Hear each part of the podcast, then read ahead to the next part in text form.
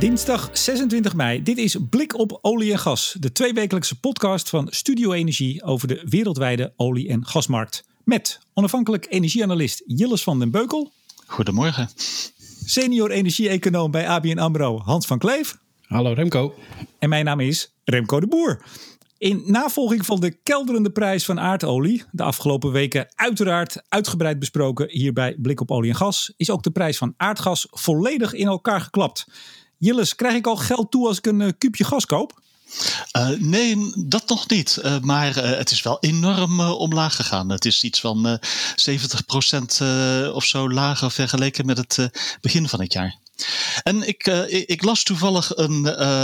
Er was iemand op LinkedIn die had een vraag gesteld. Wordt het negatief nog later dit jaar? Het was ongeveer een derde van de analisten die zei van. ja, wij denken dat het even negatief wordt. Oh, dus ik moet nog even wachten met kopen. Met krijgen dus. Als je het onderste uit kan wil hebben, misschien wel ja. We gaan het zo uitgebreid hebben over wat uh, Kobi van der Linden van Klingendaal vandaag, of gisteren moet ik eigenlijk zeggen, in het FD de stille crisis op de internationale gasmarkt noemde. Maar eerst toch nog heel even over olie. Hans, wat doet een vaatje WTI op dit moment? Uh, op dit moment 33,72. Voor het actieve contract moet je er tegenwoordig bij zetten, zeggen. Want uh, ja, we hebben gezien vorige maand natuurlijk wat er kan gebeuren tussentijd. Krijg ik ook alweer geen geld toe als ik daarin stap? Nee, sterker nog, 33 dollar. Uh, dat is eigenlijk belachelijk duur voor wat je op dit moment op de markt ziet. Hè? Want we hebben nog steeds uh, een overaanbod. Uh, de, de, productie is wel behoorlijk omlaag. en de vraag lijkt iets te herstellen. Maar er wordt nog steeds te veel geproduceerd. En desalniettemin is de prijs ruim hersteld tot boven de 30 dollar. En dat is mij, wat mij betreft onterecht. En, en gaat het veel te hard. En ik waarschuw mijn klanten dan ook voor ja, de kans op wat teleurstelling de komende weken. Hans, de markt heeft toch altijd gelijk? De markt denkt altijd dat ze gelijk heeft. Klein nuanceverschilletje. Maar de praktijk wil nog wel eens anders uitwijzen. Goed, over aardgas. Daar gaan we het uitgebreid over hebben. Jillis, jij hebt deze week, uh, vandaag eigenlijk, hè, op dinsdagochtend, je nieuwe column bij IEX. Jij schrijft inderdaad, die prijs is met zo'n 70% gedaald van gas. Als ik nou zeg, weinig vraag over aanbod en minder opslagcapaciteit dan normaal voor dit, deze tijd van het jaar, wat zeg jij dan? Ja, dat is uh, een, een hele korte samenvatting. Uh. Ja, zijn we klaar, hè? Dat wordt een korte podcast. Uh, nee, maar uh, ja, om te beginnen, uh, weinig vraag. dat klopt. En dat is ja, toch een stuk corona. Maar ook voordat corona ging spelen, was er ja, overaanbod. er zijn sinds 2014 is er een stroom van nieuwe LNG-fabrieken die op de markt is gekomen. En dat heeft een tijd geduurd, maar sinds eind 2018 is er echt een overaanbod. En zie je voor gas dus ja, een, een kopersmarkt in plaats van een, uh, van een verkopersmarkt. En daar komt dit uh, corona-gebeuren bovenop. Ja, want uh, Hans, het IEA verwacht vijf jaar, vijf jaar, hoe mij, vijf procent minder vraag naar gas dit jaar. Toen ik dat ja. zag, dacht ik, nou, dat valt eigenlijk reuze mee, vijf procent.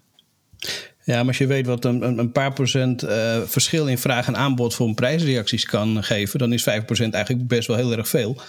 Uh, dus, en dat zien we natuurlijk ook terug. Wat Jillis terecht zegt, uh, we hebben enorme druk gezien op het. Ook hier geldt eigenlijk hetzelfde verhaal als met olie. Op het eerste contract. Terwijl als je kijkt naar de jaarcontracten, dan zitten de prijzen nog wel steeds hoog. Dus dat is op zich een heel verwonderlijk fenomeen. Wat voor het tweede jaar op rij nu gebeurt. Dat ja, zeg maar de, de korte termijn gasprijs, dus levering volgende maand, zo bizar laag is vanwege nou, de, de genoemde oorzaken. Maar het jaarcontract blijft een beetje ja, hoger schommelen. Dus ook hier ziet de markt nog wel een herstelmogelijkheid. Uh, China, 13% meer import van LNG in april. Daar gaat het weer wat beter dan, of niet? Ja, maar dat was ook weer heel erg laag. Uh, dus uh, een, een, herstel van een laag uh, niveau. maar inderdaad, de, de, de vraag trekt iets aan. maar desalniettemin blijft er toch nog steeds een hoop LNG ook onze kant op komen. En dat zorgt voor die extra druk op onder andere de TTF-prijs. Maar Jellis, jij zegt vanaf 2014 zagen we al die, die vraag teruglopen. Hoe kwam dat? Nou, de vraag loopt eigenlijk enorm op. Alleen het aanbod loopt nog sneller op. dus ja, eigenlijk kun je wel zeggen van die vraag neemt snel toe. Maar de gasproducenten hadden eigenlijk gehoopt dat die nog sneller zou toenemen. In, in, navolging een beetje van het, een ander befaamd AIE-rapport van 2011 of 2012 of zo. Are we entering a golden age of gas? En daar hadden ze in de titel nog wel een vraagteken achter staan. Maar eigenlijk was dat vraagteken wel een beetje weggevallen. En ja, we zien nu dat die golden age of gas er misschien qua volumes wel komt. Hè, want gas groeit. Uh, in 2018 uh, groeide LNG nog 10% wereldwijd. maar ja, toch niet zo snel als de verwachtingen waren. Hans, over welke partij hebben we het nou het meest als het gaat over het aanbod? Um, nou ja, inderdaad, LNG. Dus, dus dan hebben we het over uh, Qatar, VS, die natuurlijk enorm uh, een stijging laat zien. Um, maar eerlijk gezegd ook aan het pijpleiding uh, gas, dus vanuit Rusland, uh, er zit ook nog steeds groei in. Dus wat dat betreft uh, zien we eigenlijk overal groei, met uitzondering van Groningen overigens. Want daar zien we een behoorlijke krimp uiteraard. Is dat zo? Dat wist ik niet. Oh, ja. Misschien moeten we daar ook eens een podcast over doen. Oh, gaan we een special over maken. Ja, oh jee, ja. Appel, appelscha, hè? Ja, dat is vlakbij natuurlijk. Ja, wij zijn Friesland, hè? Ik zit aan de andere kant van de grens. Ja, oké. Zeg, uh, Jilles, ik zag ook gisteren in de Financial Times... Uh, Qatar, nou een van de LNG-producenten... is pushing ahead with the LNG expansion... despite uh, the slumping demand... Is dat, is dat uh, fractioneel of zijn die jongens echt toch bezig, ondanks dat die vraag nu terugvalt en er overaanbod is, toch nog bezig om de LNG uh, eh, uit te rollen? Ja, die zien uh, lange termijn toekomst voor LNG. En ja, kijk, als je bullish bent en je, je, ziet. Leg, even uit, leg even uit wat voor mensen die het niet weten, wat is bullish? Nou ja, optimistisch, laten we het zo zeggen. Gung ho. nee, optimistisch over toekomstige LNG-afnamevolumes. Ja, en kijk, één ding wat je kunt opmerken als je nu een stel contractors in wilt huren om een LNG-plant uh, te gaan bouwen, komend jaar, komende twee jaren, ja, dan is dit wel een goed moment. De, de, de, de, de prijzen voor, voor die mensen zijn, uh, zijn laag.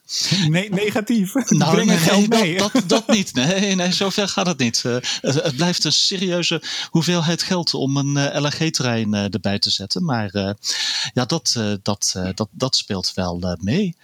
En ja, Qatar is toch een van de grote spelers, maar het is ook ja, eigenlijk wel de speler met de laagste kosten.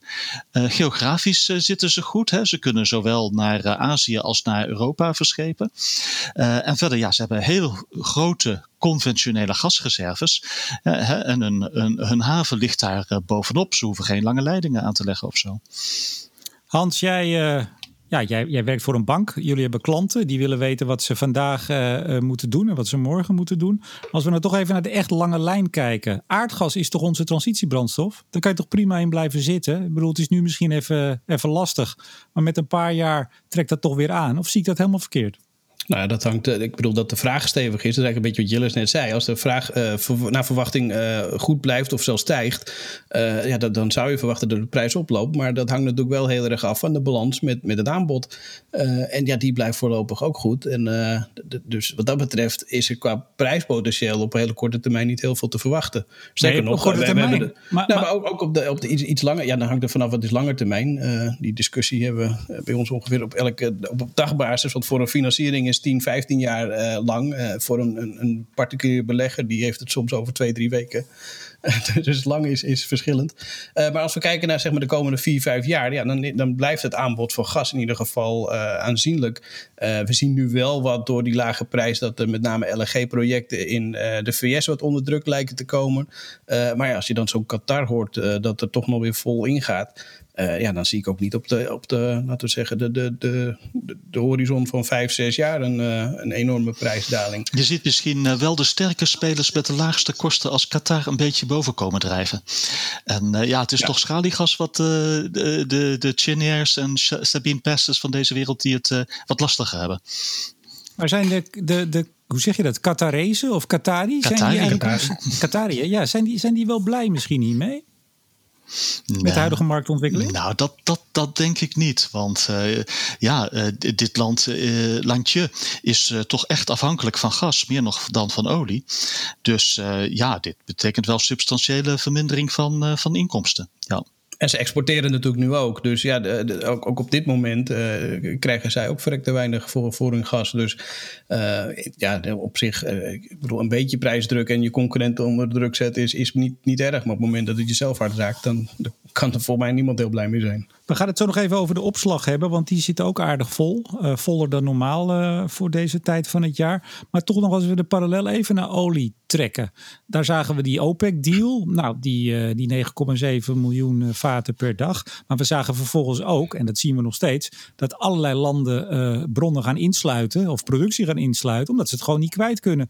Dus reageert de markt hier niet gewoon op van ja, we kunnen het niet meer kwijt, minder productie en dus stabiliseert uiteindelijk dat, uh, nou, zal die, zal die prijs dus weer gaan aantrekken. Eigenlijk heel natuurlijk. Nou, er zit sowieso nog een ander verschil ook met olie. Hè? Want eh, de, de, waar we toen eh, tegen die negatieve prijs aanliepen, was echt vanwege een opslagprobleem. En hoewel de opslag nu uh, hoger is dan dat het normaal is voor deze tijd van het jaar, is er nog steeds wel ruimte. Dus op hele korte termijn, en bedoel ik de komende twee, drie maanden, zie ik die prijs niet zo nodig negatief worden. Om de simpele reden dat we nog kwijt kunnen. Dat wordt spannender, denk ik, vanaf half augustus, zo begin september. Op het moment dat die voorradenniveaus wel ja, klaar zijn voor de winter, zou ik maar zeggen. Jelles, leg jij eens toe, hoe zit dat met de opslag van gas in Europa bijvoorbeeld? Uh, die, die is substantieel. En uh, ja, als je de cijfers bekijkt, dan zie je nu dat uh, gemiddeld het 70% vol zit. zeg maar ruim twee derde. Terwijl dat normaal rond deze tijd van het jaar ja, ongeveer een derde is. Dus het zit wel veel voller dan normaal. En ja, wat je toch zult gaan zien is, er is geen acuut gebrek aan storage. Hè? Zoals Hans zegt, ja, dat kan wel komen in september. Maar ja, het zal toch de, de, de harde tucht van de markt moeten zijn. Lage prijzen die ertoe leidt dat uh, producenten uh, minder gaan produceren, minder gaan exporteren, met name naar Europa.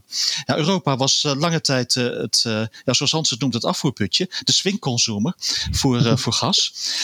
en Europa krijgt nou een probleem met het vervullen van die rol van de swingconsumer. Dus veel kolen naar gas overgeschakeld. Ja, en dat kan niet tot in het oneindige doorgaan. Op een gegeven moment stopt dat. Hans, jij, jij, noemde Europa inderdaad vorige week in het FD het af, eh, een beetje het afvoerputje uh, van gas. Dat, dat ja. klonk niet heel positief, een afvoerputje. Althans, eh, nee, nou, bij mij thuis niet. Oh nee, nee ja, ja, je, ken, je, kent me een beetje. Dus ik, ik ben in mijn interview, in dit geval was het met Bert van Dijk, was een leuk gesprek. Maar ik, ik wil soms iets wat kort door de bocht gaan. En meestal vertalen ze dat... Pakt hij dat uh, nou net op? Een, een, een, keurig Nederlandse zin. Uh, en hoewel de zin wel Nederlands en keurig was uh, had het ook iets anders om zeven mogen worden. Maar het, feit is natuurlijk wel dat ja, de vraag uit Azië wegviel. En eigenlijk al het overtollige aanbod uh, ja, langzaam richting uh, Europa kwam. Dus uh, was misschien wat plastisch uitgedrukt, maar het, het, het, ja, het effect was hetzelfde. En dat zorgt dus voor die enorme druk uh, die we nu op dit moment hier zien. Maar, maar even heren, die, die gasopslagen die zijn voller dan normaal, maar er zit nog zeker ruimte in. Ik heb hier nog ja. een getal Europa, op dit moment gemiddeld heel Europa 62% Duitsland 80% ik geloof Nederland naar, naar de 70% Waarom drijven er nu dan toch al op de wereldzeeën LNG-tankers die uh, maar een beetje moeten blijven liggen en hun, uh, hun vracht niet kwijt kunnen. Ja, de prijs is nu toch heel laag voordat je, voor wat je voor de aflevering in juni krijgt. En, en, en dus zie je de eerste kopers, potentiële kopers, hun, hun contracten afzetten, afzeggen. Dat is duur voor ze, maar ja, met deze lage prijs bijten ze die bullet, zeg maar.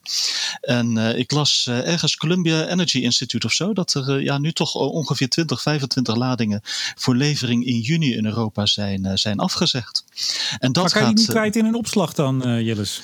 Uh, nou ja, je, wat je ziet is nu dus ook een aantal LNG-tankers die gewoon uh, liggen te, ja, te dobberen, zeg maar.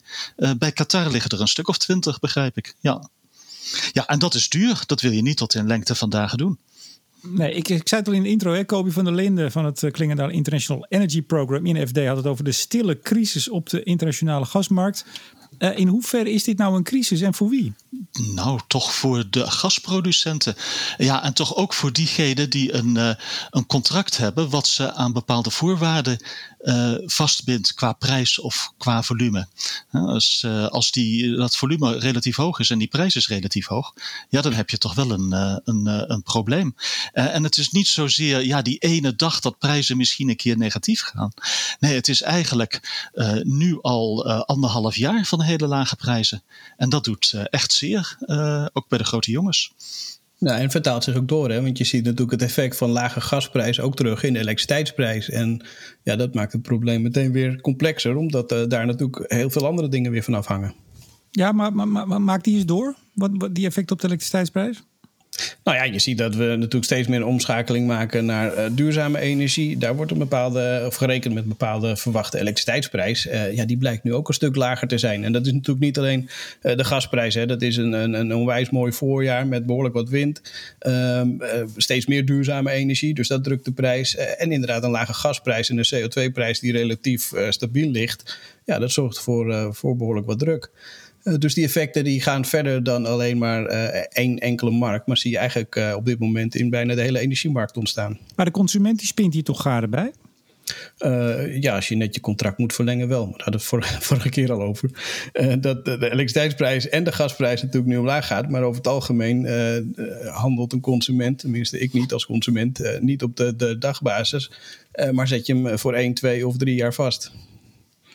En hem is dan de prijs.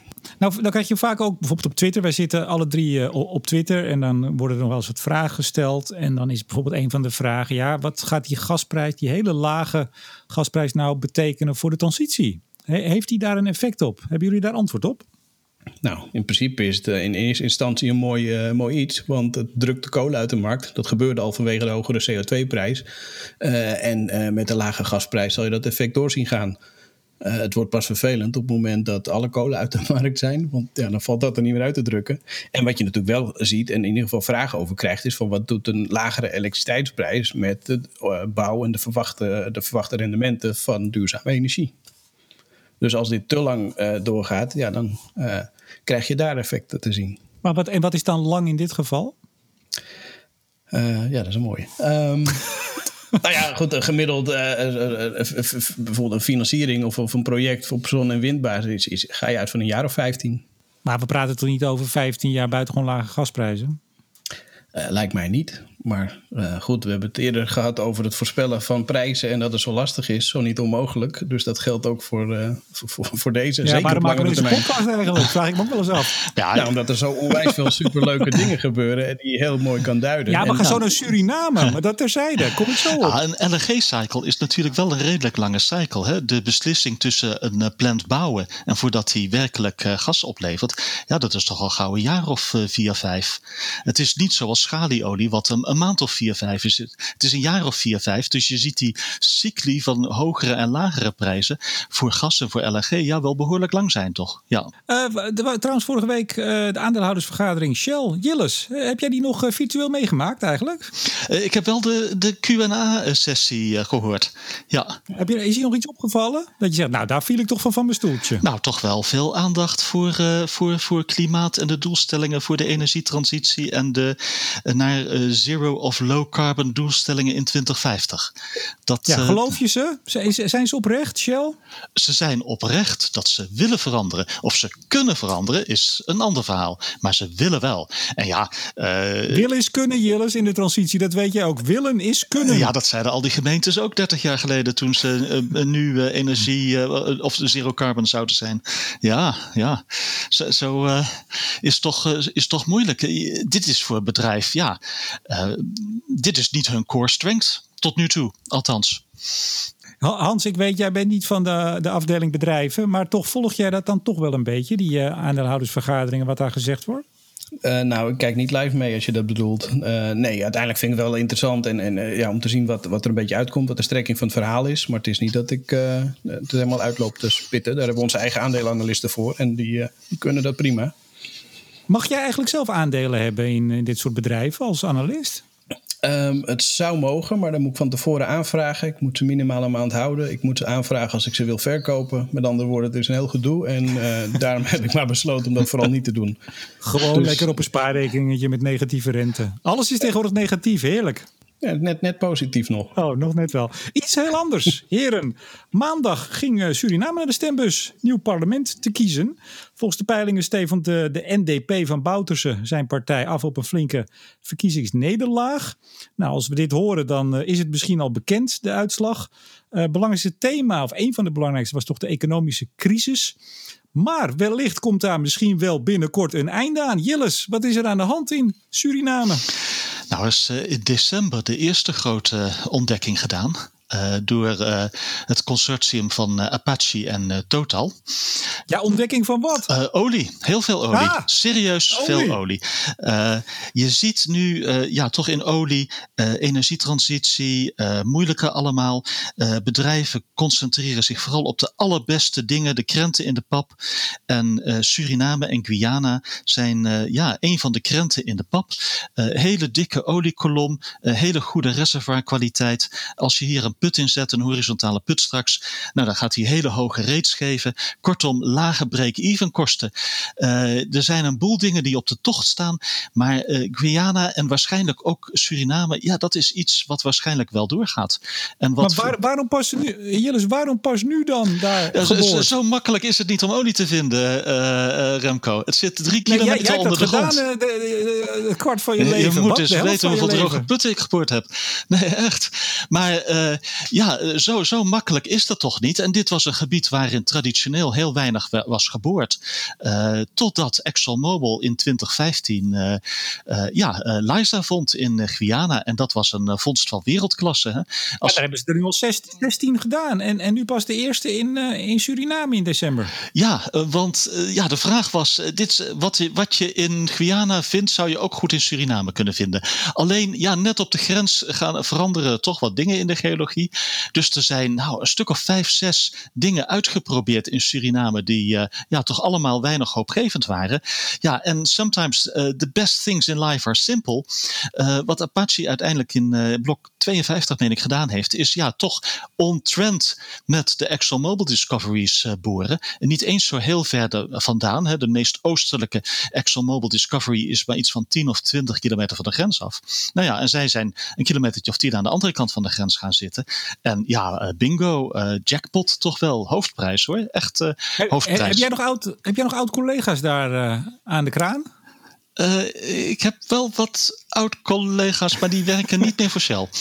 Maar ah. ja, nee, want dit, dit is natuurlijk, ja, dit is chefzag. Dit is, dit is reuze interessant. En um, ja, e-, een van de. Kijk, uh, als analist weet je eigenlijk niet wat daar gevonden is. Maar uh, na de eerste discovery heeft uh, Total dus. of heeft Apache dit nou ja, op de markt gebracht. Dat is een Amerikaanse producent. Die zit in financieel zwaar weer. Dit is hun enige hoop. Ze zetten overal investeringen stil. En ze zetten alles in op Suriname. En ze hebben dus voor een 50% aandeel in hun blok heel veel geld gekregen. Niet zozeer cashgeld, maar een enorme cash carry. Wat erop neerkomt dat uh, Totaal bereid is uh, het grootste deel van het eerste development eigenlijk uh, te betalen. En dat vertelt je van nou hier is iets bijzonders gevonden. als Totaal een 10 miljard dollar cash carry hiervoor weggeeft, nou ja, dan is dit iets speciaals, iets bijzonders. Maar we hebben Apache in Total, we hebben Petronas en ExxonMobil, die zitten daar ook. Ja, dus wat er nu gebeurd is, is, nou ja, je had blok, ik ben 52 uit mijn hoofd. Je hebt een blok ernaast, 58. Ik zie staan, oh ja, 58. Ja, ja dat, dat is, was Petronas operator. En daarvan heeft nu ExxonMobil zich ingekocht voor de helft. Voor niet duidelijke voorwaarden. Maar wel is duidelijk dat die dus nu ook hun eerste putten daar gaan boren. En ondertussen hebben Apache en Total put nummer 2 geboord. Dat was ook een succes. En zijn ze begonnen met put nummer 3. En er komt ook een put nummer 4 aan. Kortom, ja, op zijn Engels, they've cracked the code. Ze hebben de sleutel gevonden om hier serieus olie te vinden. En de kans op succes voor die volgende putten lijkt toch wel relatief groot te zijn. Uh, hoe meer putten, hoe meer informatie, hoe beter je begrijpt wat er uh, zich hier afspeelt qua uh, akoestische properties en weet ik wat allemaal, waar ik niet, niet verder op in zal gaan. Uh, kortom, ja, ze hebben hier toch uh, een beetje de sleutel gevonden. Maar over hoeveel olie en, en of gas hebben we het? olie, voor, vooral olie. Ja, een beetje gas, maar toch echt vooral olie, een beetje condensaat. nou, wacht, wacht even, meneer Van den Beukel. Ik heb, staan, ik heb hier staan, want ik zoek dat natuurlijk na. Kijk, ik heb, geen, ik heb geen kennissen daar op het boordplatform. Maar Wood McKinsey, die schatten die eerste vondst op 300 miljoen vaten olie. En ik heb hier staan 14 100 miljard kuub gas. Ja, nou, en die 300 uh, miljoen dat klinkt als veel, olie miljard lijkt me een heel conservatieve inschatting. Uh, een Lysa-complex uh, heeft ongeveer 1 miljard. Uh, en uh, ja, dit is in ieder geval qua kolomdiktes vergelijkbaar. Minstens zo goed. Maar ja, je, weet nog niet hoe ver het zich lateraal uitstrekt. Dus uh, ja, er zijn hier een boel onzekerheden. Maar bij Liza duurde het vier jaar voordat er de eerste, de eerste olie kwam. Nou ja, dat is toch ook wel een tijdlijn waar je hier aan, aan denkt. Dan kom je uit zo rond 2024. Ja, ja Bouterse, Bouterse kan niet beloven dat de, eh, de, de miljoenen al door de staatskas eh, vloeien. Eh, maar hij kan er wel geld lenen bij de Chinezen bijvoorbeeld. Ja, maar gaat dit echt iets wel betekenen voor de economie al op, op korte termijn? En kort noem ik dan de komende paar jaar? Ja, toch wel. Uh, van, uh, dit, dit geeft Suriname de kans om. Een, dit geeft, laten we zeggen, een misschien niet zo heel verantwoorde politici, politicus als Bouterse de kans om geld te lenen. Ja, als hij nog werkelijk aan de macht is. En, en leuke dingen te doen voor de mensen. Uh, en, en niet twintig jaar in de cel zit, maar dat terzijde. Ja, ja wie weet. Ja, ja. Um, nou ja, hij is veroordeeld, hè? Ja. Ja, ja. Uh, nou ja, daar kan ik niet zoveel over zeggen over de politiek en hoe dat verder in Suriname gaat. Maar, ik ook niet, daar gaan we niet over. Maar dat er een, een, een schip met geld aankomt, is wel heel waarschijnlijk. Ja, ja. En is dat nou, is dat nou tot slot hierover? Is dit nou een, een geschenk voor Suriname of uh, ik las een mooie analyse of een vergelijking dan tussen het, het aankomend potentieel rijke Suriname en Venezuela. Ja, het kan ook een beetje de verkeerde Dit, kant op gaan. Hè? Uh, ja, maar Venezuela is een verhaal apart met zware olie en onshore. En uh, ik bedoel, je hebt wel heel veel reserves daar, maar geen lage kosten. En dit ziet er qua economics eigenlijk heel goed uit. Hier komt een boel geld aan, waarschijnlijk, Remco. Alleen ja, hoe dat verdeeld wordt, is een ander verhaal. Waar dat geld terecht komt. Hans, ja, ik ben er nog. Hoeveel putten heb jij geboord in jouw leven? Uh, nou, één in mijn tuin, maar dat was voor een hele andere reden en verder niet. Nee, nee, geen olie. Nou ja, dat is. We kunnen niet allemaal naar olie boren. Nee, dat is me goed ook. Maar jij, jij, hebt wel, technisch. jij hebt wel heel hard gewerkt gisteren. Uh, en volgens mij nog vandaag ook aan de nieuwe energiemonitor die weer uitkomt. Op punt van uitkomen staat. Ja, dat klopt. Kun je al wat zeggen? Of dat mag niet zeker, hè? Uh, nou, ik denk dat we het meeste al wel besproken hebben, eerlijk gezegd.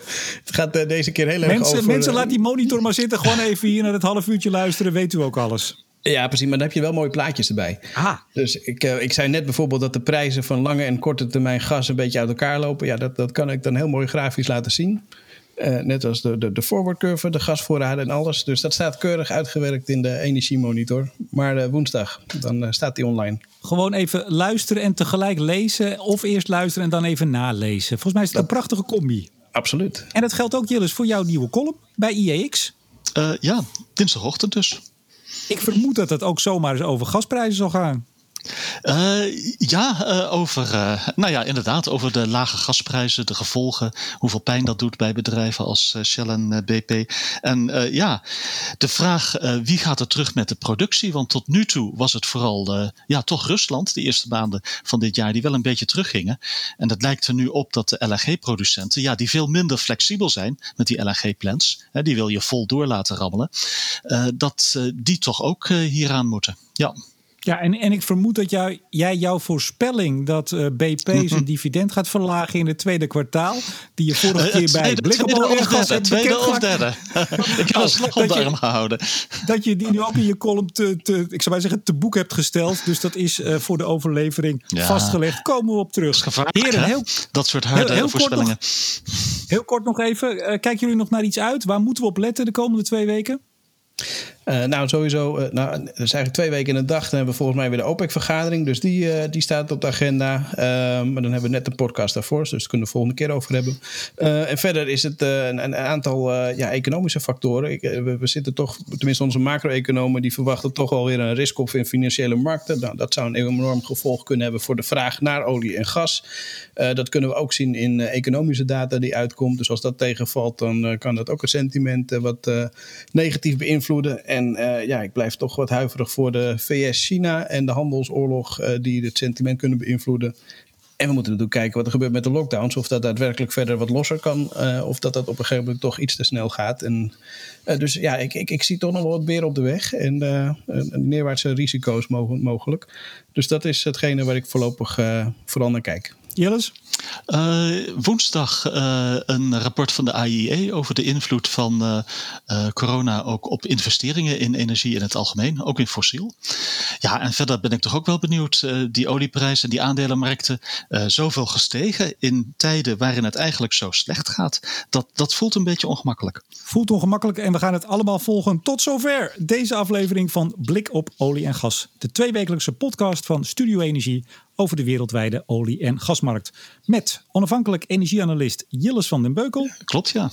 Senior energie-econoom bij ABN AMRO Hans van Kleef. Dankjewel weer. En mijn naam is Remco de Boer. Graag tot volgende keer.